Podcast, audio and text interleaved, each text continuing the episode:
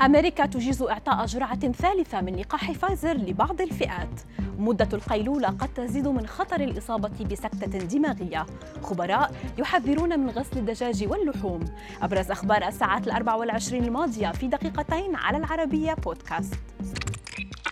أجازت الولايات المتحدة إعطاء جرعة ثالثة من لقاح فايزر المضاد لكوفيد 19 وذلك للأشخاص الذين يبلغون من العمر 65 عاما فأكثر وأولئك المعرضون للخطر أي بأن يصابوا بأحد الأعراض الحادة للمرض وفق إدارة الغذاء والدواء الأمريكية.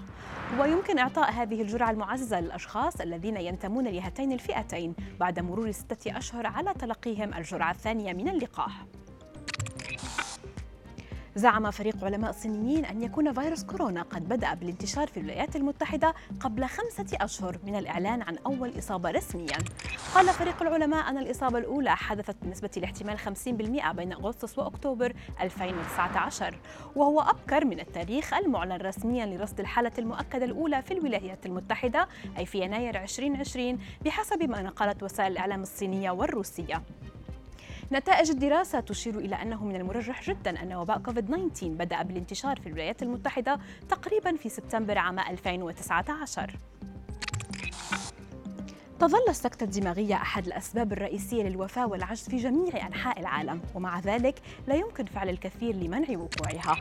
وأظهرت دراسة من جامعة هاوز هونغ للعلوم والتكنولوجيا في الصين أن النوم لساعات طويلة أثناء النهار يمكن أن يزيد من خطر الإصابة بالسكتة الدماغية. وخلص الباحثون إلى أن القيلولة لمدة ساعة ونصف أثناء النهار كانت مرتبطة بخطر أكبر للإصابة بالسكتة الدماغية.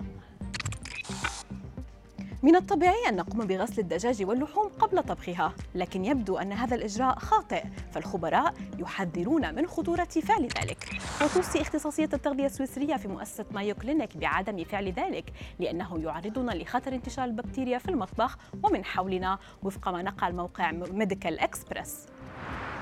القلق الأكبر عند غسل الدجاج الني يكمن في زيادة خطورة انتشار الأمراض المنقولة بالغذاء حيث يمكن للدجاج الني وعصائره أن تحمل بكتيريا ضارة مثل السالمونيلا.